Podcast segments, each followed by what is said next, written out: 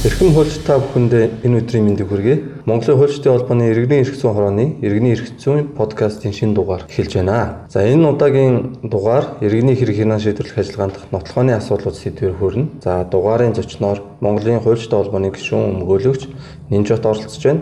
А иргэний эрх зүйн хорооны удирдах зөвлөлийн гишүүн хөлж өмгөөлөгч Ондан Даж миний бие хөтлөө явуулнаа. За хоёулаа асуултаа ер нь нотлогоо гэж юу юм Хэрэг хянаа шийдвэр иргэний хэрэг хянаа шийдвэрлэх ажиллагаанд ер нь нотлохооны онцлог нэг юу юм бэ гэдэг талаар ярилцлага эхлэе. За миний би одоо нарийн онлын тайлбар мэдэхгүй мэдэхгүй ч байх заалгачлээсэн л да одоо олон жил болсон санахгүй байгаа. Гэтэ өнөөдөр практик дээр ажиллаж байгаа хуульчийн хувьд бол нотлохоо гэдэг нь нэгдүгürt нотлох баримт, а хоёрдугаарт үйл баримтад хандж байгаа хандлага, байр суурь, тэр тайлбар, мэдүүлэг зэрэг энэ бүх цогц ойлголт а өөрийнхөө нэхэмжлэлийнхээ шаардлага татгалзлыг нотолж байгаа энэ бүх бүгдийн цогцоор нь бол нотлохоо гэж хэлээд гэж байгаа. Сүүлийн үед бол энэ иргэний эрх зүйн шинжилгээ ухаанд нотлохооны эрх зүйн өнтер гээд наривчил судалдаг болсон юм шиг байгаамаа. Тийм учраас бол энэ цогц ойлголт байна. За иргэний эрх хянаас шийдвэрлэх ажиллагааны энэ нотлох үлээ. Тийм бусад одоо салбар эрх зүйгээсээ тийм эрүү захиргааны чиглэлийн одоо хэрэг хянаас шийдвэрлэх ажиллагаанд тийм ялгах онцлог бас юу байгаа юм бол аа тий. Тэгэхээр миний мэдхээ би одоо өөрийгөө бас нэг зэврүүлж гүмсэн эсвэл олон талаар нь хуульчийн хувьд хөгжүүлэх үүднээс бол эрүүгийн хэрэгт өмгөөл хийж байна. Захиргааны маргаанд бас оролцож байна.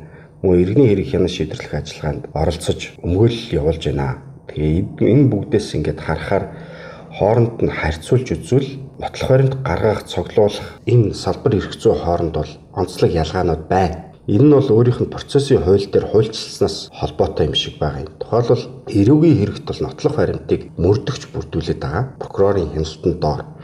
Тэгэхээр тэр бол яллах болон цаадах нотлох баримтуудыг бол бүрдүүлж дээ. Тэгэхээр тэр хүн бол өөрөө яваад олоод За талуудын болон өмгөөлөгчдийн оролцогчдын хүсэлтээр холбогдох нотлох баримтуудыг бас бүрдүүлэх ийм ажиллагаа явуулах нь бол нотлох баримтыг бүрдүүлж байгаа субъектийн хувьд бол энэ давуугай шинж чанартай төрийг төлөөлж байгаа учраас аливаа нотлох баримтыг одоо олгох бүрдүүлэхэд бол тийм зүйн ардаа хүчтэй нөөц болцоотой ийм субъект болж харагдаад байгаа учраас эрүүгийн хэрэгт бол тийм нотлох баримт бүрдэгдэж байна.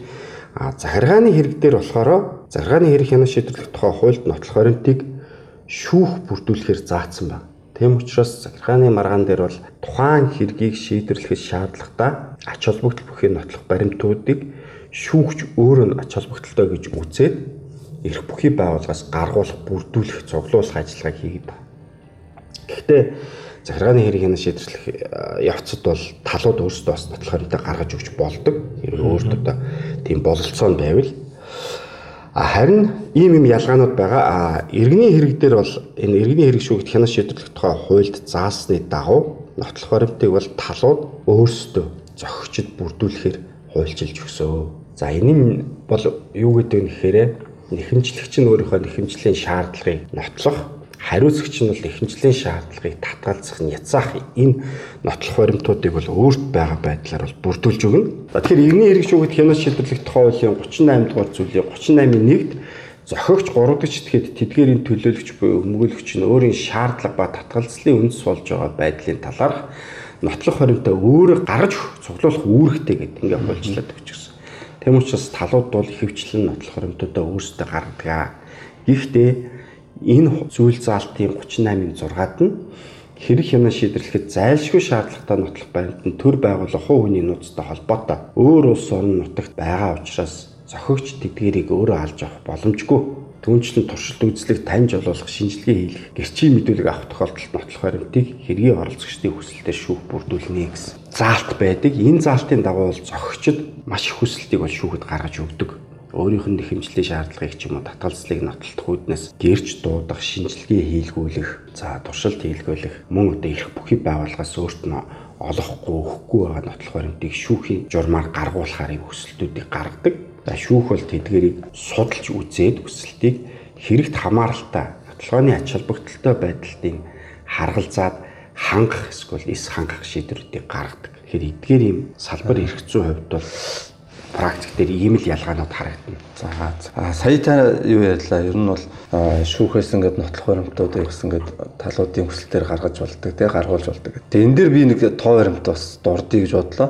Сүхбаатар дүүргийн шүүхтэр 5213 шүүх хуралдаан болсон байдیں۔ 2018 онд. Тэрнээс нэг 2823 нь буюу нийт шүүх хуралдаан 54% нь хойшилсан. За энэ 54%-өөс одоо 646 буюу 22% нь яг нотлох баримттай холбоотой хойшлсон гэдэг. Тэгэхээр энэ бол одоо яг нэг иргэний хэрэг хянаа шийдвэрлэх ажиллагаа шүү хуралдаа хойшлуулж байгаа гол бас нэг хүчин зүйл болчиход байна л да. Тэгээ энэ дээр бол таны өөрөө чинь одоо үзэл бодол ер нь энэ талаар та. За шүүх хуралд нотлох баримт гаргуулахтай холбогдож шүүх хуралдаа хойшлуулаад байгаа асуудал бол анхаарал татдаг. Тэгээ энэ дээр бол би юу гэж хариулах гэдэг юм гэхээр энэ шүүхийн ч юм уу эсвэл оролцогчдын гаргаж байгаа энэ үйлдэлээс гэхээсээ илүүтэй манай иргэний хэрэг шүүхэд хянан шийдвэрлэх тухай хуулийн зохицуулалт өөрөө уян хатан биш боловсронгуй биш байдлаас болоод шүүхэд хэрэг хянан шийдвэрлэх ажиллагаа ийм удаашралтай хойшлолтой гацаатай яваад байна гэж хараад идэг. Нотлох харинд гаргуулах хүсэлтийг гаргуулах эрх нь зохицчдын өөрийнх нь хуулиар олгогдсон эрх. Тэгэхээр энийг бол одоо чи гаргаж болохгүй ч юм уу гаргаж байгаа нь буруу гэж ярих нь бол тийм оновчтой биш юм Харин энэс болоод шүүх хуралдаан хойшлоод байгаа энэ гарцаа яаж гаргах юм бэ? Энийг хуулиар л гаргах хэрэгтэй гэж би харж байгаа. Өөрөөр хэлбэл тийм ээ. Тухайлбал зүгээр миний нэг санаа байдаг. Захиргааны хэрэг хянан шийдвэрлэх тухай хууль дээр урдчилсан хуралдаан явж байгаа. Урдчилсан хуралдаа. Урдчилсан хуралдаанаар бол талууд нотлох баримтаа үндсэн хуралдаанаас өмнө гаргаж өгөхийг бол шийдвэрлэдэг. Хүсэлт мүсэлт нотлох баримт гаргах тухай энэ процессын асуудлуудаа бол урдчилсан хуралдаанаараа шийдвэрлээд агуулга нь уртсан хуралдааны агуулга ерөөсөө тийм л дээ. Тэгэд үндсэн хуралдаан болоход бол ямарваа нэгэн шинээр гаргаж өгөх нотлох баримт байхгүй болчихсон. За бүх хүсэлтүүд шийдвэрлэгдсэн зөвхөн хэрэг хэлцэхэд бэлэн байдлаар бид нар үндсэн хуралдаан дээр авчих хэвээр. Тэр захиргааны шүүгд хянан шийдвэрлэх тухай хуулийн дээр агуулга нь ерөөсөө тэр. За зайлшгүй тохиолдолд үндсэн хуралдааны өмнө хүсэлтүүд гарч ирдэг эсвэл нотлох баримт гарч ирдэг. Тэр нь хүндэтгүү үзэх шалтгаантай байх хэвээр. Өөрөөр хэлбэл яагаад өмнө нь гаргаж өгч чадаагүй юм бэ гэдгээ тэр хүсэлт юм нотлох баримт гаргаж өгч байгаа итгээд өөрөө тайлбарладаг байхгүй. Тэрийг шүүх авч үзэж хилэлцэн. Энэ бол арбитрийн хэрэг хянан шийдвэрлэх ажиллагаа болон захиргааны хэрэг хянан шийдвэрлэх ажиллагаанд бол байж. Би энэ практикийг энэ иргэний хэрэг шүүхэд хянан шийдвэрлэх ажиллагаанд оруулж ирэх ёстой гэж үзээд байгаа юм. Үзээд байгаа. Тэгэхгүй бол энэ үзэгдэл угаасаа ингээд арилахгүй энэ чигээрээ шүүхийн процесс нэхээ төвхтөө явдаг болох гэдэг юм л да. Тэгэхээр хуульд ямар өөрчлөлт оруулах юм бэ гэхээр иргэний хэрэг шүүхэд хянан шийдвэрлэх ажиллагаанд урьдчилсан хуралдааны журмыг оруулъя. Тэгээ урьдчилсан хуралдаанаараа нотлох баримтыг гаргуулах, шинжээч томилуулах, гэрч асуулгах. Мөн одоо элдв бусад хүсэлтүүд байна те. Эдгээрийг бол урчсан хуралдаанаар шийдвэрлсэн байх хэрэгтэй. байх хэрэгтэй. Тэгээ үндсэн хуралдаан дээрээ бид нар бүх юм бэлэн очих хэрэгтэй байхгүй. Тэгэхгүй бол нөгөө одоо харж байгаа зарим шүүх иргэний шүүх хуралдаануудаар одоо рекорд тогтоосон 20 удаа модочлоо 18 удаа хойшилсан гэсэн юм байгаад байгаа байхгүй. Тэгээ тухай бүр шинэ хүсэлт гаргаж ирж яадаг шинэ нотлох баримт гаргаж өгөхийг шаарддаг нөгөө талаасаа нотлох баримт гаргахыг хүсдэг гэдэг. Тэгэхээр хүний тэр хүсэлтүүдийг бол хязгаарлах гэхээсээ илүүтэй урьдчилан оролдоо нэг гэсэн. А хоёрдугаарт бас нэг энэ хуульд байж болох үс юм харагдаад байгаа юм нөөрөө тэмдэгтийн хураамжтай бол. Хүсэлтүүдийг те би хүсэлтийн хүрээнд ярьж байгаа шүү. А тэгэл ингээд нотлох баримтуудаа бүрдүүлээд үндсэн хуралдаанаас өмнө бүрдүүлээд бэлэн болгочих юм бол үндсэн хуралдаан маань хойшлохоо болчихно гэж би хараад байгаа байхгүй. Тэгэхээр ийм процессын хууль руу явах нь зөв юм болоо да. Ийм өөрчлөлтийг хийх байх гэж харж байгаа. Одоо ингээд иргэний хэрэг шүү гэх хянан шийдвэрлэх тухай хуулийг шинжилэн найруулах ажлын эсвэл хууль зүйн бас ажиллаж байгаа юм шиг л. Тэгэхээр тэгээ судлаачд мэрэгжлийн хүмүүсийг харж байгаа бол гэж. За ер нь гэхдээ ингээд шүүх хуралдаа ингээд нот хуримттай холбоотой хойшлуулагдж байдаг. А гэтэл одоо нот хуримт гаргуулах одоо зохицын хүсэлтийг шүүх заримдаа хилцээд одоо хангаж байна. Зарим нь бол одоо шүүх өөрийнхөө үзмжээр те одоо тэрээс татгалздаг шийдвэрлэхгүй орхидог ийм тохиолдлууд Тэгэхээр энэ хэр зохистой ер нь шүүх заавал тэр хүсэлтийг хангахгүй байх тийм одоо хууль дээр байгаа ч гэсэн ер нь бол энэ хэрэгцүүн салбартай хэр зохистой юм гэдгийг та нар тайлбарлаж байна. Би энэ иргэний хэрэг хянаа шийдвэрлэх ажиллагаанд нотлох баримт гарах нотлохооны энэ асуудлуудыг бол сонирхоод өөрөө судлах нь юу одоо ингээд юм нэлээд үзэж харж ирсэн. Тэгээ улсын дэд жүхий 2017 оны нэг дугаартай зөвлөмж гарсан байдгийг сонирхолтой. Уг зөвлөмжд бол нотлох баримт бүрдүүлэх талаар хэргийн оролцогчдоос гаргасан хүсэлтийг шийдэрлэхдээ шүүх дараах байдлыг анхаарна. Нэгдүгээрт нотлох баримтыг өөрөө олж авах боломжгүй байдал учир шалтгааныг тодруулж тогтооно. Хоёрдугаарт нотлох баримт нь хэрэгт хамааралтай ач холбогдолтой эсхийг харгалзана. Гэхдээ энэ дүгнэлтийг шүүх хийхдээ хэргийн оролцогчдын эрх хязгаарлагдаж мэтгэлцэх зарчим зөрчигдөх эсхийг анхаарах шаардлагатай. Өөрөөр хэлбэл зохицтын маргаанд элтэд хамааралгүй ач холбогдолгүй хүсэлт байхыг үгүйсэхгүй гэж зөвлөсөн байгаа юм. Нотлох баримтыг хааны газраас гаргуулна гэдг нь шүүгч тэр зохиогчд тэр тухайн нотлох баримтыг хараагүй үзээгүй байдаг тул шүүгчээс шууд хэрэгт хамааралгүй гэж хүсэлтийг хэрэгсгүй болгоод байгаа нь өөрөө учир дутагдaltaй юм. Зүүн ямар утга агуулгатай баримт вэ? Үүгээрээ ямар үйл баримт, ямар нөхцөл байдлыг нотлох гээд байгаа юм бэ гэдгийг хүсэл гаргагч тал болон бусад оролцогчдоос тодруулсны үндсэн дээр хүсэлтийг шийдэрлэх ёстой. За үнэхээр хаа хамаагүй нотлох баримт гаргуулах хэрэг хянан шийдэрлэх ажиллагааны хугацааг санаатаагаа сунжуулах гэсэн зорилготой ийм хүсэлтүүд байдгаа. Тэгэхээр энийг бол нарийн зааглаж ялгаж шийдэрлэх ёстой. Аа энэ дээр бол мэдээж шүүгчийн мэрэгжлийн ур чадвар тэр талуудын хүсэлтийг яг бодит байна уу, үгүй байна уу гэдгийг ялгаж чадах тийм мөн хэрэгт ач холбогдолтой энэ төр дээр дүгнэлт хийх бол тэгээд зөв шүүгчийн мэрэгжлийн ур чадрын хүрээнд л шийдэрлэгдэх ёстой гэж хараад байгаа юм. Тэр бол зарим үнэхээр тийм үндэсгүй хүсэлтүүд байдаг дээ. Хэрэгт ямар ч хамаагүй би одоо тэр газар тухайн үйл баримт болсон явдал дээр байгаагүй гэрчийг жишээ нь асуулгах хүсэлт тавьдаг. Тэгэхээр тэрийг бол хэрэгсгүй болохоос өөр арга байхгүй шүү дээ. Тийм учраас бол энэ дээр шүүгч нарын ур чадвар, шүүгч нарын энэ чиглэлээр нь бас мэрэгшүүл, мэрэгшүүлэх шиг сургалт энтрийг явуулаад ингэхгүй болвол ямар үзэгдэл гараад байна гэхээр заримдаа шүүгчд өөрөө нөгөө нэг хэргийн оролцогчийн нэг тал мэтэр нотлох баримт руу хараад өө энд энд ямар ч хамаагүй гэл ингээл хэрэгсгүй болгочдөг. Эннээс нь болоод нөгөө хэргийн хувь заяа чинь өөрчлөгдөд явцдаг. Би бол судалгааны тоо харж ирсэн эдэн оных жилээ. Яг энэ гарах ёстой хэрэгт ач холбогдолтой нотлох баримтыг гаргуулах хүсэлтийг хэрэгсгүй болгож шийдвэрлснээс дар залтах болон хяналтын шатны шүүхтэр маш олон хэрэг хүчингүй болоод байгаа байхгүй. Тийм. Мэтгэлцэх зарчмын зөрчиж байгаа юм. Тэгээ хэрэгт ач холбогдолтой нотлох баримтыг гаргаж өгөөс болоод маргаа нөгөө талдаа гоноо шийдвэрлэгдчихдэг тийм. Энэ бүхнийг анхаарах хэрэгтэй. Тийм. Эндээс чинь нэг юм ингээ харж байгаа. Тэр хэрэгт ач холбогдолтой ач холбогдол шүүх өөрөө хийсвэр байдлаар дүгнэ тий. Заримдаа гаргуулах хэрэгтэй юм гаргуулаагүйс болол яхахгүй тэр даах хяналтаар бол хэрвээ айгүй олон харагдаж ирлээ л дээ. Яг судалгааны харж онтой. Үнэхээр юм бас хэрэгт ач холбогдол ачигт холбогдлогүй нотлох баримтыг шүүгч гаргуулахаар захирамж энэ төр гаргацдаг. Тэгээ тэр нь бас 2 1 2 сарын хугацаа явчихнаа. Тэгээд хэрэгээ шийдвэрлэхээр нөгөө сүрхийг гаргуулж авчирсан нотлох баримтаа үнэлж дүүнэхгүй. Эсвэл нөгөө шүүхийн шийдвэрийг үндэслэл болгохгүй. Тэгээ заавал их албагүй л дээ. Ер нь бол нотлох баримтад өөрсдөө үнэлт дүнэлт өгчээж шүүхийн шийдвэр гаргадаг. За хоёулаа одоо ер нь бол яг хэрэг хянан шийдвэрлэх ажиллагаанд бас яг цайлан заасан зарим одоо нотлох баримт цуглуулах, бүрдүүлэхтэй холбоотой ажиллагааны талаар ярилцъя гэж бодож байна. За энэ дээр болохоор би юу ярих вэ гэхээр энэ нөгөө шүүхээс шинжээш томилуулж байгаа тийм үү. А гэтэл нөгөө шинжээчийн дүгнэлт одоо яг хөлшгүй нотлох баримттай байлж чадчихна уу нэг хэрэг хэрэг шийдвэрлэх ажиллагаа. Шүүх одоо тэр э, шинжээчийн нотлох баримтыг бас заавал тухайн хэрэг шийдэхэд одоо бас заавал одоо тий баримтлах шаардлагатай юм уу? Ер нь тэр одоо практик дээр яаж явж байгаа та тэр тал За иргэний хэрэг шүүхэд хянан шийдвэрлэх ажиллагааны явцад бол шинжээч томилдог. Энэ процессын хуулийн 47 дугаар зүйлийн 47-гийн нэгт хэрэг хянан шийдвэрлэхэд шинжилгээ ухаан тооцоо тоо бүртгэл урлаг утга урлаг утга зохиол техникийн зэрэг тусгай мэдлэг шаарддаг асуудлыг тодруулахын тулд хэргийн оролцогчийн хүсэлтээр шүүхийн санаачлагаар шүүгч захирамж гарган шинжээч томилно гэсэн заалт бий. Энэ заалт төр оролцогчийн хүсэлтээр гэдгийг ардуулна хуульд таслал байх ёстой юм байдгүй яваад байгаа. Өөрөөр хэлбэл хоёр янзаар шинжээч томилдог оролцогч хүсэлт гарвал шинжиж тавилна. Эсвэл шүүх өөрөө тухайн маргаж байгаа асуудлын талаар л тусгай мэдлэг шаардлагатай шинжээж хэрэгтэй гэвэл шүүхийн санаачлагаар шүүгч захирамж гарган шинжээчих томилдог.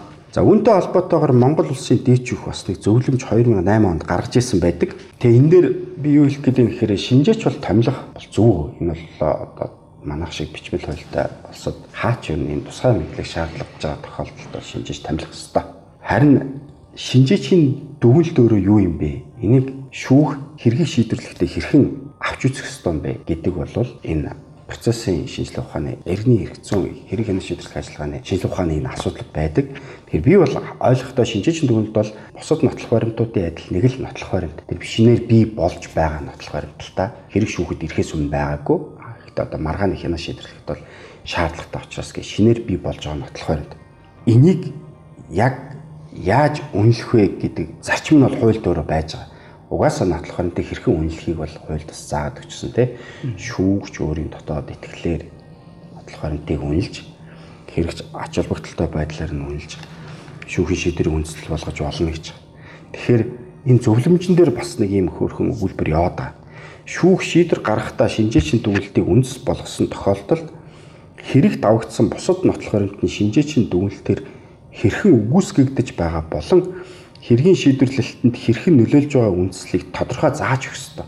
Стегээс хэрэгт олчлог бүххийн нотлох баримтыг анх шатны шүүх хэрхэн үнэлсэн нь ойлгомжгүй болж хэргийн зохицод шүүхийн шийдвэрийг хүлээн зөвшөөрөхгүй гомдол гарах үндслэл болдог байна гэдэг. Өөрөөр хэлбэл шинжээчийн дүгнэлт бусад нотлох баримтуудтай адилхан л нэг нотлох баримт учраас энэнд шүүх заавал үнэлэлт дүгнэлт ёстой. Үнэлэлт дүгнэлт өгснөөрөө шүүхийн шийдвэрт үндэслэл болж байгаа хэсэг нь ялгаа зааг нь харагдана. Одоо заримдаа юу гэдгийг шинжээчийн төгөлд гарсны дараа би зөв жишээ авъя нэг кейс хийж болно шүү дээ тийм ээ. Шинжээчийн төгөлд гарсны дараа нөгөө шинжээч нь ямар нэгэн байдлаар хүсэлт шинжилгээ хийхээр хүсэлт гаргасан талдаа хувийн харилцаатай ч юм уу хараад бусаар гаргаж чадаагүй тийм нөхцөл байдал үүсэх юм бол яах вэ? Тэр тогтоогдох юм бол хэрэг хянагч хэрэг хянах шийдвэр ажиллагааны явц тогтоогдох юм бол шүүх яах нь тэр дүгнэлтийг одоо шүүхийн шийдвэрийг үндэслэл болохгүй энэ бол шаардлагатай нотлохоор биш гэж үздэг дүгндэг ч юм уу те. А гэхдээ энийг заавал тэр шийдвэртэй дурд гэж энэ зөвлөд нь шүү дээ дээж өгч.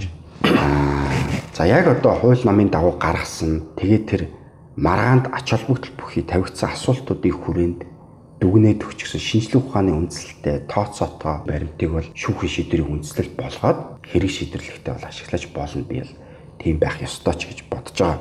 Заримдаа бас маргаантай тохиолдлууд их гарнаа. Би сайхан нэг хэрэг дээр ажиллаж байсан чинь миний шинжилгээ хийх хүсэл тавьсан эцэг тогтоолох тийм асуудал байсан. Тэгээ шинжилгээ хийх хүсэл тавьсан. А биологийн дээж нь болохоор эрүүгийн хэрэг хянах шийдвэрлэх ажиллагаан дээр байсан. А бид нар бол иргэний хэрэг дээр явж байсан учраас эцэг тогтоолох маргаан байсан учраас маргаан жоохтой хүсэлтийн хүрээнд хийгдэжсэн ажиллагаа учраас хүсэл тавьсан чинь шүүгч нь их сонирхолтой шийдвэр гаргаж байгаа юм л да. Тухайн хүний тэр хүн нас орсон байсан. Тухайн хүний ар гэрийн зөвшөөрлгүйгээр тухайн хүний биологийн дээжийг авч шинжилгээ хийх боломжгүй байна гэдэг хүсэлтийг хэрэгсэхгүй болгочихсон байхгүй. Тэгэхээр би хаана тийм зөвшөөрөл авдаг хууль зохицуулалт хаана байна гэдээ би хуулиас харж байгаа. Тэг байхгүй байхгүй. Тэг би тэр шийдвэрт бол санал нийлэхгүй л байгаа л да.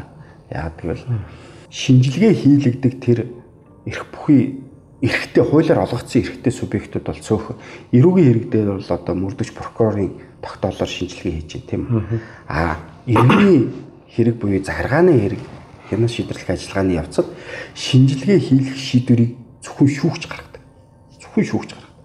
Энэ бол шүүхэд олгогдсон абсолют эрх хинтээ ч хуваалцахгүй.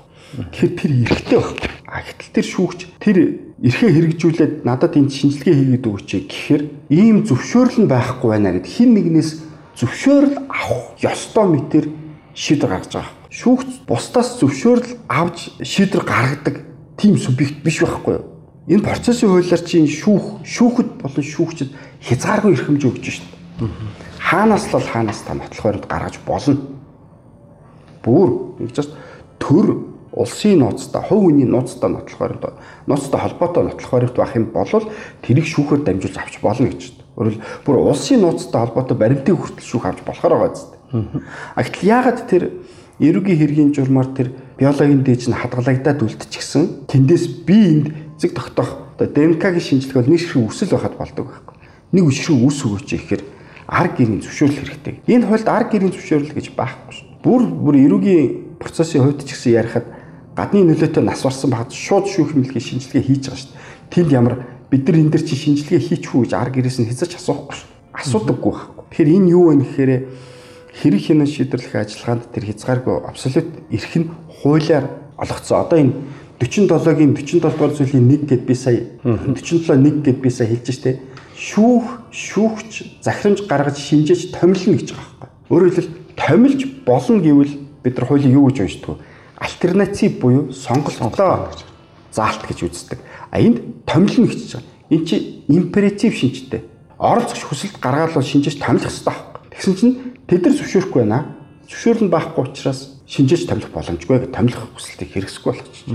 Тийм учраас энэ шинжээч тойрсон асуудал бол яг ингээд яриул би их удаа ярих байх зөв яг базаад хэлжүүлнэ ийм л юм байна. Практик дээр бас нэг иймэрхүү юм байгаад байдаг шүү дээ. Одоо шүүхтэр ингээд шинжээ томилуулахар хүсэлтэгдэг те. За тэгээд ингээд ер нь бол эрүүл мэндтэй холбоотой ингээд тэр хүний эрүүл мэндийн тухайн хүчин зүйл нөлөөлж гэнэ үү гэдэг байдлаа ингээд шинжээж томилуулахар хүсэлтэгчдэг. За шүүгч шинжээж томилоод явуулцдаг. Захирамж гаргаад. А тэнгууд нөгөө шинжээж исэн энийг тогтоох одоо тий бид нар бол нэг тогтоох боломжгүй мэдхгүй гэдэг өөрөөр мэдлэг хүрхгүй байна гэдэг юм байдлаар шинжээч сар ирчдэг. Тэгэхээр энэ дээр одоо жишээ нь одоо яах вэ? Одоо тэр хүн ингээд тодорхойгүй тэр үнэн нь одоо илэрхгүйгээр одоо ингээд дарагддаг тийм тохиолдол бас байна шүү дээ. Тий. Энийг энэ мөн ялгаагүй буцаал 47-гийн нэгийг л ярих гэдэг. Энэ дээр хэрэг хянаа шийдвэрлэгч шинжлэх ухаан гэдэг үг орцсон байна шүү дээ.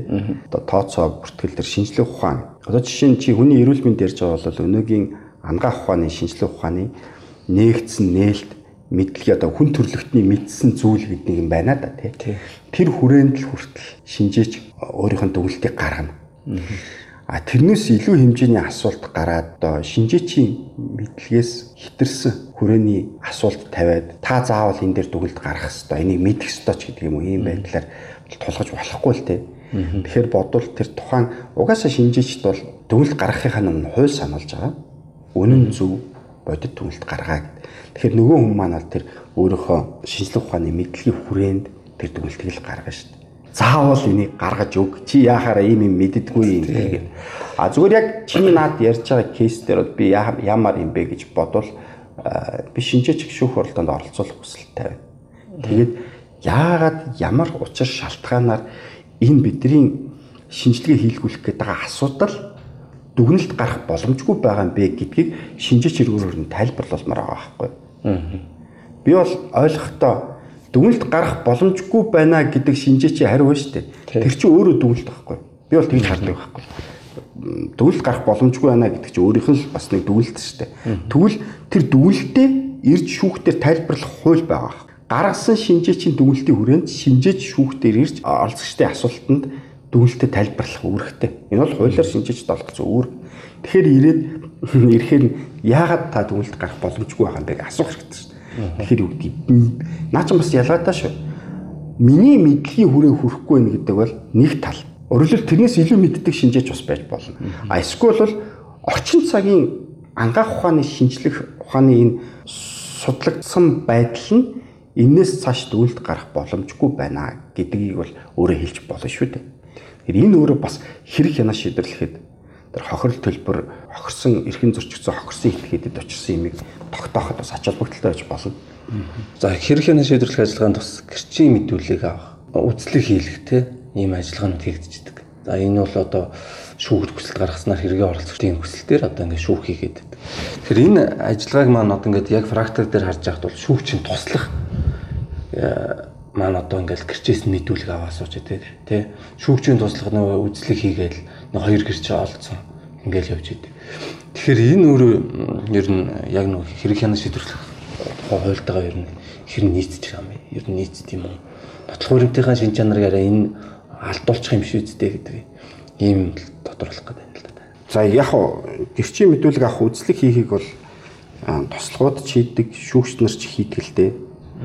Тэгэхээр би энэ дээр нэг тийм буруу зүйл явж байна гэж харахгүй байгаа. Би энэ туслахын эрх зүйн байдлын талаар сайн мэдэхгүй байна.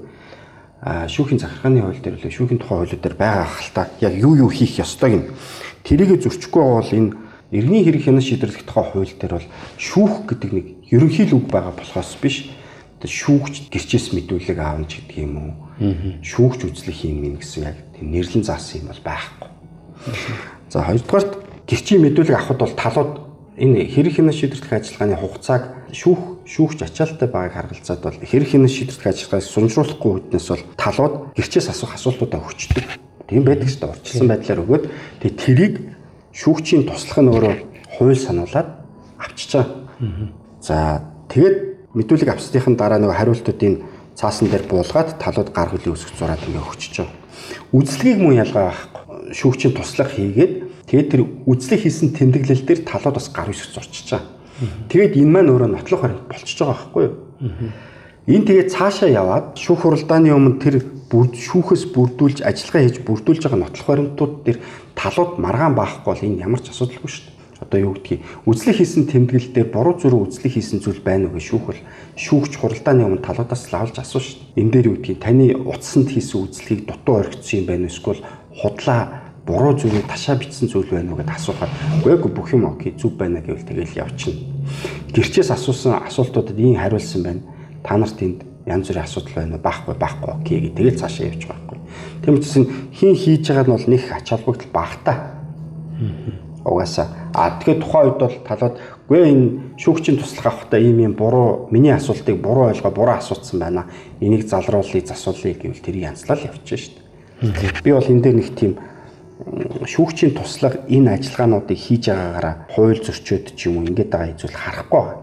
Харин ч бүр нөгөө талаар манай шүүхийн туслах ажилтнуудын ур чадвар сайжирч байгаа. Ирээдүйн сайн хуульч нар бэлтгэгдэж байгаа болов уу гэж харж байгаа. За дараагийнх нь асуулт. За таны түрүүний яриан дээр гарсан гар утсанд үзлэх. Тэгэхээр одоо бол одоо шинжлэх ухаан цахим орчин хөгжөөд одоо хүмүүс Facebook, гар утас, Skype те ингээл янз бүрийн юмнууд их ашигладаг болж л те. Тэгээ энэ дээр ингээд зарим нь комент бичээл зарим нь одоо мессеж ингээл бичээл нэг нэг мессеж бичдэг. За мессежийг ингээд монголоор бичдэг те латинаар гайлглал ингээл бичдэг. Тэгэхээр энэтэй холбоотой одоо яг нотлох баримт болгож бүрдүүлэхэд одоо тулгарч байгаа бэрхшээл ер нь юу анхаарах зөх асуудлууд одоо яг юу гэдэг та энэ тал дээр бас нэг хэлээч. Талуудын хүсэлтээр иргэдийн цахим шуудан гар утас за сошиал медиагийн хаягуудад хоорондын харьцаж исэн харьцаа загталд мессежинд бол үзлэг хийх хүсэлт гардаг. Тэгээ энэ тохиолдолд бол тухайн төхөөрөмж буюу гар утасч гэдэг юм уу одоо тэр цахим хаягийг шүүх нээгээд талуудыг оролцуулж аваад үзлэг хийдэг. Үзлэг хийгээ баримтжуулаад за ийм ийм ийм байдлаар энэ ингэж бичсэн байна, тэгж хариулсан байна ингээд үзлэгнүүдийг хийгээд тол та нарын хэлж байгаагаар тэр галилж бичсэн мессежийг шууд ингээд байгаа байдлаар нь бичдэг. Энэ бол өөр төхөөрөмж өөр газар байгаа нотлох баримтыг үзлэг хийлгэж бэхжүүлж хэрэгт хавсарч байгаа үйлдэл үйл ажиллагаа юм а. Тэгсний дараа өөрөө чи асуугаад байгаа тэр энийг одоо хэрхэн юм бэ гэдэг асуудал. Энэ бол цэвэр миний ойлгож байгаагаар шүүх хуралдаанд талуудын явагдах мэтгэлцээний үр дүнд тухайн нотлох баримтыг хэрхэн ашиглах тухай мэтгэлцэн. Тэгээд энэний үндсэн дээр шүүхт үнэлтээ хий. Маргаж болно. За энэ англиар одоо галиглаж бичсэн энэ энэ үг маань бол ийм утгатай маа гэж нэг тал тайлбарлаж болно. Нөгөө тал бол уучлаарай. Галиглаж бичсэн энэ үгэндээ бол би ийм утга агуул агуулсан юм а гэд маргаж болно. Энэ бол маргааны сэдв байж болох байхгүй. Гагцгүй энэ бол тэр олон нотлох баримт тэдийн зөвхөн нэг л хэсэг байхгүй. Тэгэхээр шүүх энэ дэр дүгнэлтээ хийгээд л шийдэн штэ. Ийм нотлох баримт байна. За энэ дээр бол талууд энэ тал нь энэ маань нотлох баримтыг ингэж маргаад байгаа нөгөө тал нь ингэж маргаад байгаа. Гэхдээ гээд бусад нотлох баримтуудаа мөн үнэлж дүгнээд тэгээд эцэстээ шүүхийн шийдвэр гаргах нь шүү дээ. Ийм ийм нотлох баримтуудыг бол үндслэхгүй одоо энэ нотлох баримтууд ийм үйл баримтыг нотлох чадахгүй байна. Ийм нотлох баримтуудаар бол энэ үйл баримтууд нь нотлоод тийм ээ хэмжлэлийн шаардлага хангах үндэстэй байна ч гэдэг юм. Ингээд шийдвэрлэх байхгүй. Түүнээс ш өөрөө тэр галиглаж байгаа бичиж байгаа тэр асуудал нь өөрөө нэг асуудал биш. Хацгүй тэрийг бид нэр ямар процессор бэхжүүлж аваад хэрэг тавсаргаад тэрэн дээрээ үндэслэж мэтгэлцээний өрнүүлэх тухай асуудал. Аа. За түрүү ярьлаа тэр мессеж юмд үзлэх хийхтэй. За бас ингэж байгаа шүү хүмүүс гар утсаараа яриаг нь бичих. А мөн дүрс бичлэг хийх нууцаар тийм ийм тохиолдлууд байдаг. Энийг одоо яг шүүхтэр нотлох баримт гэж үнэлж байна. Үнэлж байна уу эсвэл нотлох баримтаас одоо хасж байна уу? Энэ талаар та нэг бас яг практикийн дээр ер нь яаж явж байна энэ талаар нэг хувьчнаас хэлээ. За нууцаар зураг хөрөг одоо тухайн этгээдэд мэддэхгүй нууцаар зураг хөрөг авах бичлэг хийх энэ төр нь бол хууль зөрчиж байгаа. Магадгүй тагж чангасан ч гэж үзэх магадaltaй.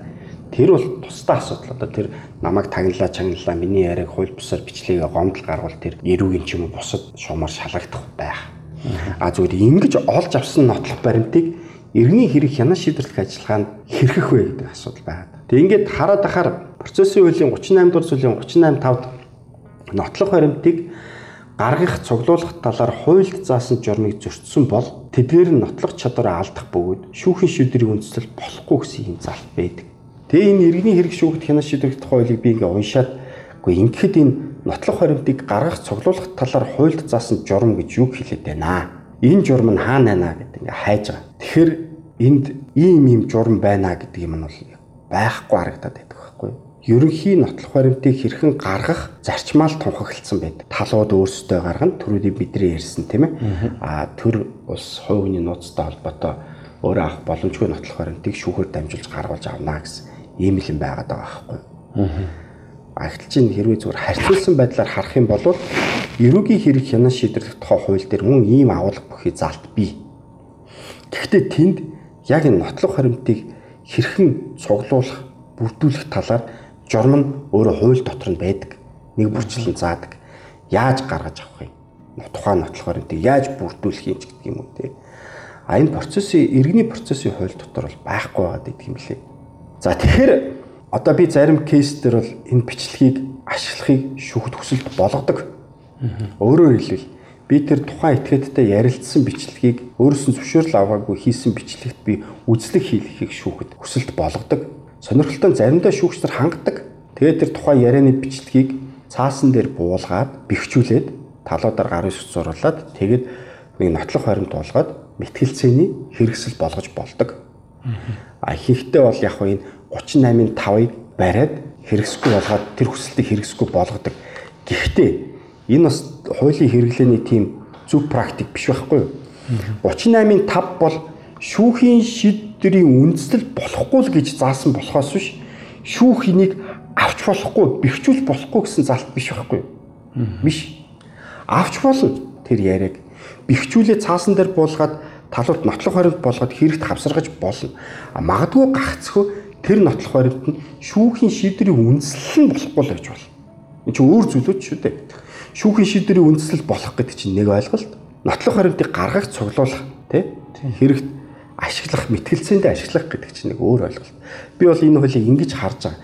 Магадгүй процессын хуулийн шинжилэлээр энэ нотлох баримтыг гаргах, цуглуулах талаар хууль заасан журам гэдгээ хуйлдаа наривчлан хуйлчиж өгөхийг үгүйсэхгүй. Одоо одоо тийм яг яаж гаргах юм?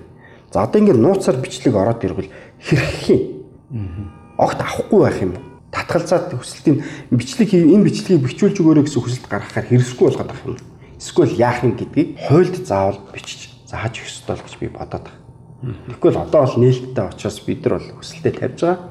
Нууцаар утсаар ирсэн ярианы бичлэг энтрээ бэхжүүлж авъя гэл. За нотлохын талаар хоёулаа нэлээд ярьжлаа. Одоо бас нэг асуулт үлдчихэд байна л да. Энэ юу гэхээр бас л одоо нөгөө шүүх одоо нотлох баримт цуглуулах бүрдүүлэх үнэлэхтэй холбоотой бас өөрийнх нь нэг авсгалт хэрэг байгаа тийм. Тэр нь болохоор хууль дээр 38 9 дээр заасан байдаг. Шүүх э, хуралдааны явцад шинээр нотлох баримт шаарддаг тул шүүх хуралдаан нэг нэг удаа хойшлуулах хэрэгт хамааралгүй нотлохооны ач холбогдлого хуулиар зөвшөөрөгдөөгүй баримтыг нотлох хөрөмтөөс хасах буюу шаардсан авахаас татгалзахыг шүүх хийдэг бөгөөд эдгээр тохиолдолд шүүх тогтоол шүүгч захирамж гаргана ингээд зохицуулсан байна. Тэгэхээр энэ дээр одоо яг хэргийн оролцогчдод тулгараад байгаа асуудлын талаар ер нь та нэг товч тодорхойл. За ингээд шүүхээс үзлэхийг эрчим мэдүүлгээр ингээд утассан дээр янз бүр ингээд нотлох хөрөмт ингээд хэрэгт бэхжүүлээ авчлаа А гэтэл одоо нэг хуулийн 38 9 дээр байгаа шүү дээ. Иргэний хэрэг шийдвэрлэх хуулийн 38. Шүүх хуулиар зөвшөөрөгдөг баримтыг те нотлох хуримтаас хасах, шаард авахаас татгалзах эрхийг шүүх эдэлдэг. За энэ бол миний харж байгаа нэг талуудын мэтгэлцэх зарчимд бас хөндлөнгөөс шүүх оролцоо. Нөгөө хэргийн хувьцаа шийдэхэд те шүүх өөрөө ингэж хөтөлж яваад байгаа юм шиг бас тийм нөхцөл байдал үүсээд байгаа юм шиг заримдаа санагдав. Та энэ тал талаар бас нэг өөрийнхөө хуульч бас практик болж байгаа энэ процесс талаар нэг яриач. Тий, одоо энэ 38-ийн 9 бол аягүй зовлонтой энэ төрн зүгээр яг агуулгын хүрээнд 38-ийн 6 болон 38-ийн 92 бол хоорондоо нэгт уялдаатай зохицуулалтууд юм. 38-ийн 6 дээр нотлох баримтыг хэргийн оролцогчийн өсөлтөөр шүүх бүрдүүлнэ гэсэн бол 38.9 дээр нотлохооны ач холбогдолгүй хуулиар зөвшөөрөгдөг баримтыг хэргийн нотлох баримтаас хасах буюу шаард авахаас татгалзах эрхийг шүүх идэх бөгөөд тогтоол захирамж гаргана гэсэн байна. Сайн ухаж уншвал 38.6-аар гаргасан хүсэлтийг шийдвэрлэхдээ нотлох баримтыг шаардан авахаас татгалзах тохиолдолд 38.9-өөр шийдвэрлэж захирамж тогтоол гаргана гэсэн байна. Үүнээс ямар дүгнэлт хийж болох вэ гэхээр хэрвээ 38.6-аар гаргасан хүсэлтийг шүүх хүлээн авахаас татгалзаж хэрэгсэхгүй болгож байгаа тохиолдолд захирамж тогтоолдоо 38.9 дэх хэсгийг баримтлаж шийдвэрлэх ёстой бөгөөд үүгээрээ 170-ын 170-ын нэгд заасан захирамж тогтоолд гомдол гаргах зохицын эрхийг нээж өгөх ёстой. Зохицод хууль заасан гомдол гарах эрхээ идэх хэрэгтэй. Би энэхүү логик хууль зүйн дүгнэлтийг хийхээ өмнө давзаалт болон хяналтын шатны шүүхээс нотлох баримтыг гаргуулах талуудын хүсэлт үндэслэлтэй байсан. Тэрхүү нотлох баримтыг авалгүйгээр хэргийг шийдвэрлсэн шийдвэр хууль ёсны бүгд үндэслэгийн бүхий болж чадаагүй нэ гэсэн ийм агуулгаар хүчингүй болсон маш олон шийдвэр магадлалуудыг үзсэн. Бас дээж бүхий 2017 оны нэг зөвлөмжөд эрхийг нь хязгаарласан боломж олохгүй хатлаа нотлох баримтаа гаргаагүй нотлоогүй гэж дүгнэх нь иргэний хэрэг шүүгд хянаж шийдвэрлэх тухай хуулийн 6 25 38 дугаар зүйл заасан энэ эрхийн заалтуудтай нийцэхгүй байгааг анхаарах хэрэгтэй гэж бас зөвлөд өгөх байхгүй юу. Ер нь энэ 38-ын 6-аар хүсэлт гаргаж байгаа тохиолдолд бол би түрүүн дээр хэлжсэн илтэд хэрэгт ач холбогдолгүй биш л бол шүүх хангаж шийдвэрлэж авах хэрэгтэй. Хангаж шийдвэрлэж авах хэрэгтэй. Нэгдүгээрт. Хоёрдугаарт хэрвээ хангахгүйгээр татгалзаж тийм үү хүсэлтийг хэрэгсэхгүй болгож шийдвэрлэж авах бол гомдол гарах эрхийг нээлттэй үлдээх хэрэгтэй. Саяхан миний хэрэг дээр ажиллаж исэн шинжээч томилолыг гэдгсэн чинь 38-6-аар хангачиж байгаа. Шинжээч томилох хүсэлтийг хангачиж байгаа. Тэгээд хуралдааныг хойшлуулж байгаа. Тэгсэн чинь дараа нь нөгөө нь шинжээч томилох захирамжид нь гомдол гарах эрх нээлттэй учраас гомдол гаргаад хүчингүй болгочихгүй. Тэгэхээр нь дахиад би хүсэлтээ тавьж байгаа. За дахиад шинжлэх шинжээч томилж өгнө үү. Ингээ хүсэлт гаргасан чинь 123 лөө гомдол гарах эрхгүй байдлаар миний хүсэлтийг хэрэгсэхгүй болгож шийдчихэж байгаа. Тэгээд би энэ хууль хэрэглээний энэ сонирн байдлуудыг би одоо шүүх зөндөө тэгж байгаа. Хамгийн гол нь бас миний тэр кейс дээр ч биш юм байна л да. Маш олон. 38 хангах болохоор 38 9-ээр хангаад гомдол гарах эрхийг нээлттэй үлдээсэн мөртлөө хүсэлтийг хэрэгсэхгүй болохдоо гомдол гарах эрхийг хаагаад гомдол гарах эрхгүй байдлаар 123 үрдтэй бариад авчиад хаалттай тийм захирамж гаргачихж байгаа Тэгээ эн чинь нөгөө нэг үндсэн тэр энэ хуулийн 6 дугаар зүйл дээр заасан нэг мэтгэлцэх зарчмыг чинь илтэд зөрчөөд шүү дээ. Яагаад хангаж шийдвэрлэхээр гомдол гарах эрх нь нээлттэй хүсэлтийг хэрэгсэхгүй болгож шийдвэрлэхээр гомдол гарах эрх нь хаалттай байна. Энэ яагаад тэгшэрэх байхгүй байна. Тийм биз дээ. Энд чинь нэг л асуудлыг шийдэж шүү дээ. Нэг бол хангаж ийн, нэг бол хэрэгсэхгүй болгож ийн. Тэгвэл аль алинд нь эн чинь гомдол гарах эрх нь нээлттэй. Энэ нээлттэй байх ёстой зүйн үндэс нь урагшаага шийдэгдэхээр процесс үеийн ерөнхий ангийн 6 дугаар зүйл дээр мэтгэлцэх зарчим гэж байгаа байхгүй. Юу? Энэ дээр 6-гийн 2 дээр нэг дээр нь хэрэг хянаа шийдвэрлэх ажиллагааг мэтгэлцэх үндсэн дээр хэрэгжүүлнэ, хоёр дээр нь бүх шатанд хэрэгжинэ, гурав дээр нь болохоор энэ өмгөөлөгч зохич өмгөөлөгч хэргийн үйл баримт гин буруу байгаа эсхийг нотлох буюу үүсэх замаар мэтгэлцэн. Нотлох баримтыг гаргах, шинжилэн судлах судалгаад тэг ширэхтэй оролцсон энэ төр гэдэг энэ бүх хэдий чи хуульд ингээд заагаад өгсөн байж хаад өөр байдлаар шийдвэрлэдэг. Би энэ гажуудлыг нэм дээр засаасаа гэж бодож байгаа. Тэгэхгүй болвол магадгүй хувийн болоо ямар нэг сонирхолтой шүүгч аль нэг оролцогчийн нотлохонд гаргуулах хүсэлтийг мөн шинжээч томилуулах мэдхгүй одоо тий хэрэгт ач холбогдол бүхий гэрчийг асуулгах энэ үйл ажиллагааг алах зохиол таслан зогсооход хэрэгсэхгүй болгоод тэг гомдол гарах эрхгүйгээр шийдвэрлээ. Тэг мэтгэлцэх зарчимд бол хашилсан юм шийдвэр гаргаад тэгээ цаашаа явдаг. За яг явж байгаад давах юм уу хяналтын шатны шүүхтэр энэ алдаа зөрчил илрээд өчнгөө болоод ирдэг. Гэхдээ энэ хугацаанд чинь одоо бүр ингээд бид нэр хэрэг ямар хугацаагаар хянагдаж байгаа вэ? Дээд шүүхтэр чи ямар их бодож байгаа вэ те? Бараг тэр шүүх чи нэг алдаанаас болоод 2 жил шахуу хэрэг дээд шүүхтэр яваад буцаж ирж шít. Тэгээ дахиад эхнээсээ шийдэх болж шít. Тийм ээ. Тэр энийг болимоор байна. Ер нь бол нотлох баримт холбог би түрүү хэлээд байгаа. Нотлох баримттай холбоотой гаргаж байгаа хүсэлт энэ хэрэг хянах шийдвэрлэх ажиллагаатай холбоотой гаргаж байгаа хүсэлтүүдийг бол бүгдийн гомдол гарах эрхтэйгээр шийдвэрлээч. Нэгдүгээр яг миний санаа шүү. Хуульд ирээдүйд оруулах ингээд би зүгээр л нэг хувь практик дээр ажиллаж байгаа. Би даже тийм судлаач модлаач хүн биш, онлайн хуульч биш л те. Би практик дээр ажиллаж байгаа хүний хувьд хэргийн оролцогчдын хувьд ч гэсэн а шүүхийн хувьд ч гэсэн тийм ээ хэрэг олон дахин буцахгүй улс суурьтайгаар хэрэг хянагдах үүднээс тэр хүсэлтүүд давцаалт гомдолтой байх хэрэгтэй. Тэр шүүгчийн дандаа зөв шийдвэр байж болохгүй шүү дээ. Тэгэхээр гомдол гаргангууд тухайн шатны өөр гурван шүүгч нь тухайн хүсэлтийг хэрхэн шийдвэрлсэн талаар одоо шийдвэрлээд байгаа шүү дээ. Бид нар тогтоолоо гаргаад энэ буруу шийдсэн мэн зөв шийдсэн мэн гэж шийдвэр гаргачих хэрэгтэй байхгүй. За харин энэ дээр сөрөг үр дагавар нь байгаа юм. Тэр нь юу юм бэ гэхээр хэрэг хянаа шийдвэрлэх ажиллагааг сунжуулахын үүднээс хүмүүс хүсэлт нь гомдол гаргадаг. Ийм практик тогтох гэдэг. Тэгвэл энэ дээр миний санаа шүү бас л юу яасан? Тэмдэгтийн урамжтай болгож хэрэгтэй. Тэгхийн бол тэр гомдлууд үнслэхгүй гарах ёсгүй болчиход байгаа байхгүй. Үнслэлтэй л гомдлууд гаргадаг. Энэ практик руугаа шилжих ёстой гэж би хараад байна. Яг нь энэ зүгээр хэрхэх вэ гэдэг гарцал хайж байгаа юм л да. Тэгээд зүгээр практик хөлчтэй үед саналаа хэлж байгаа болохоос шинийг бол мэдээж тэр мэрэгжлийн яг хууль бичиж байгаа боловсруулж байгаа хүмүүс бол анхаарах.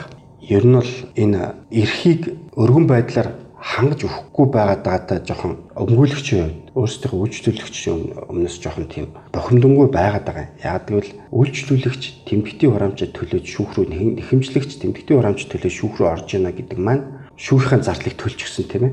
Тэгээ эрхээ хамгаалуулах бүрэн боломжтой байгаа. Тэгээд тэр эрхээ хамгаалуулах гэдэг хүсэлтүүд гаргаад байгааг нь зөв үнслэгүүгээр шийдэрлээд ингээд нөр шүүхтэйч тэр хүндээч тэгэхээр эрхэн зөрчигдсөн үйл ажиллагаанд яваад шүү дээ би түрүү сайн хэлж тийм нэг хүсэлтийг хангаагүй улмаас хэрэг жил 6 сар яваад дийч өгөхөөс хяналтын шатны шүүс хүчинг болоод буцаж ирээд дахиад эхлэхэд хин хохирч байна. Манай тэр бидний үйлчлүүлэгч хохирч байгаа байхгүй. Зөрчигдсөн эрхээ сэргийлгэж чадахгүй маш удаа явж гин, залхаж гин тийм ээ. А хоёрдугаар хин хохирч гин. Төр засаг хохирч гин. Татвар төлөгчдийн мөнгөөр нэг хэргийг тийм үнэтэй өртөг өндөртөөр шийдэрлээд байгаа. Тэгвэл эндээс энэ чөтгөрийн тойрогоос гарах хэрэгтэй ш. Анханаас нь зүг явуул тийм ээ. Тэг бүх авах гэдэг нотлох баримтуудыг авалт тэгж жаад хэрэгэ баа бэйгүй шидэд бүх нотлох баримтуудыг үнэлээд үнэхээр тэр дотор чинь заримдаа хууль заасан хэлбэр шаардлагыг хангаагүй нотлох баримтууд байгаа. Тэрийг хас хассан шийдвэрээ гарга. Тэгэд яагаад хасж байгаагаа үндслээд дурдал явчихлаа тийм. За тэр нотлох баримтуудыг хүсэлт гаргаад гаргуулах гэж байгаа нотлох баримтууд эсвэл шинжээч томилхоос татгалзаж байгаа бол тэрийг шийд үндслээ заагаад өгч. Гэхдээ энд гомд гарах эрхтэй гэд нэгд өгчлээ. Яа тэрийг ганцаараа алах тогшоод тийм байдлаар шийдээд. Тэгээ хуулийн хэрэглээ нөрөө бас их тийм хоёр өөр тийм гажуудалтай би түрүү яриад байгаа. Ханхаар нь гамдал гаргаж болдог. Хэрэгсгүй болохоор нь гомдол гаргахгүй байдлаар ингэж шийдвэрлэдэг. Энэ чинь хуулийн дабл стандарт гэдэг чинь хууль хоёр давхар стандарттай байж болохгүй нэг л байх хэрэгтэй. Нэг л хэрэглээний хувьд ч гэсэн ойлгомжтой байх хэрэгтэй байхгүй. Тэгээ одоо энийг заримдаа ингээд яачаар нөгөө нэг хуульч биш үйлчлүүлж байгаа хэрэгэд өмгөөлөгчөөс асууж шít. Энэ яга ингэ шийдэд байгаа. Ингээд түрүүн нь бол ингэ болоод байсан. Одоо болохоор яга болохоо болчиход байгаа ч гэдэг юм. Энийг хүнд тайлбарлаж шүүхийн тэр шийдвэр шүүгчийн захирамж тогтоолыг шүүхийн шүүгчийн захирамж шүүгчийн тогтоол шүүхийн тогтоолыг хүн тайлбарлахад үндслийн тайлбарлахад нэлээд бэрхшээл гарч ирээд байна. Энийг хуулиуд дээр анхаараач. Хуулийн нэн дээр өөрчлөөч. Нэгдүгээр тэн чинь татвар төлөгчийн мөнгийг хэмнэж нэг хэрэг нэг л яваад дуустдаг баймаар байна. Алдаа мадаг баг гаргацгаая тийм ээ. Хоёрдугаар шүүхийн зардлыг төлөөд мөнгөө төлөөд эрхээ хамгаалуулж байгаа этгээдийг залгаамааргүй. Энэ чинь үйлчлүүлэгч шүүх хийж хагаад үйлчлэгчийн байр суурин дээр баймаар байна. Хэргийн үнэн зөв мадаггүй хуулийн дагуу нэг мөр шийдэрлээ дуусгадаг баймаар байна тийм ээ. Би энэ лөө явахын тулд энэ хууль ойлгомжтой зохицуулалт нь бүгдэд хэрэглэхэд нэг стандарттай байх ёстой болов уу гэж харж байгаа. Яг практик дээр ажиллаж байгаа хуульчийн хувьд л миний харж байгаа харц шүү дээ. Онлайн судлаачдаас өөр л. За хэрэг хянаа шийдвэрлэх ажиллагаанд нотлохооны асуудлаар хоёулаа бас нэлээд тойроо ярилцлаа. Бас подкастын маань хугацаа дуусчин тий. Тэгээд зүгээр асуудаг орогдсон таны бас хилчгиймсэн гэсэн юм санаанууд бас үлдсэн байж магадгүй. Та энэ талаараа бас нэмэлт гэж байна. За намайг подкастнда нэгдүгürt тоож урьж оролцуулсанд их баярлалаа. Тэг яг ямар нэгэн бэлтгэлгүйгээр бас шууд ингээд хууль зүйн нарийн ширээ асуудлаар ярих нэлээд төвхтөө байдаг юм байна. Гэхдээ яг өөрийнхөө санааг илэрхийлэх гэж оролдлоо. Эцэст нь би яг энэ нотлох баримттай холбоотой сэдвийн хүрээнд юу хэлмээр байна гэхээр саяны миний яриад байгаа эмзэглээд байгаа хууль тогтоомжийн боловсронгуй бус байдал за шүүгч нарын зүгээс хуулийг хэрэглэж байгаа энэ байдлууд энэ төр бол маш чухлаа энийг бол яаралтай засах хэрэгтэй. Яагад гэвэл нэг хэрэг маргааны ард хүний хувь заяа, бизнес, эд хөрөнгө, эрүүл мэнд гээд маш олон асуудлууд байдаг. Тэгээ шүүхийн чанаргүй үйл ажиллагааны улмаас хэрэг удаан хянагдах, дээш доошоо явж буцах энэ байдлууд нь бол тэр зөрчигдсөн эрхээс сэргийлэхээр явж байгаа иргэний хувьд бол маш хүндрэлтэй байдаг. Ажиллаж байгаа тэдний эрхийг хамгаалахаар ажиллаж байгаа өмгөөлөгч бидний хувьд яах вэ? одоо хийх яжстай ажил юм ч одоо хийгээд л явж л байдаг. А гэтэл чи нөгөө хүмүүсээ харахаар заримдаа үнэхээр хальширдаг, өрөвддөг.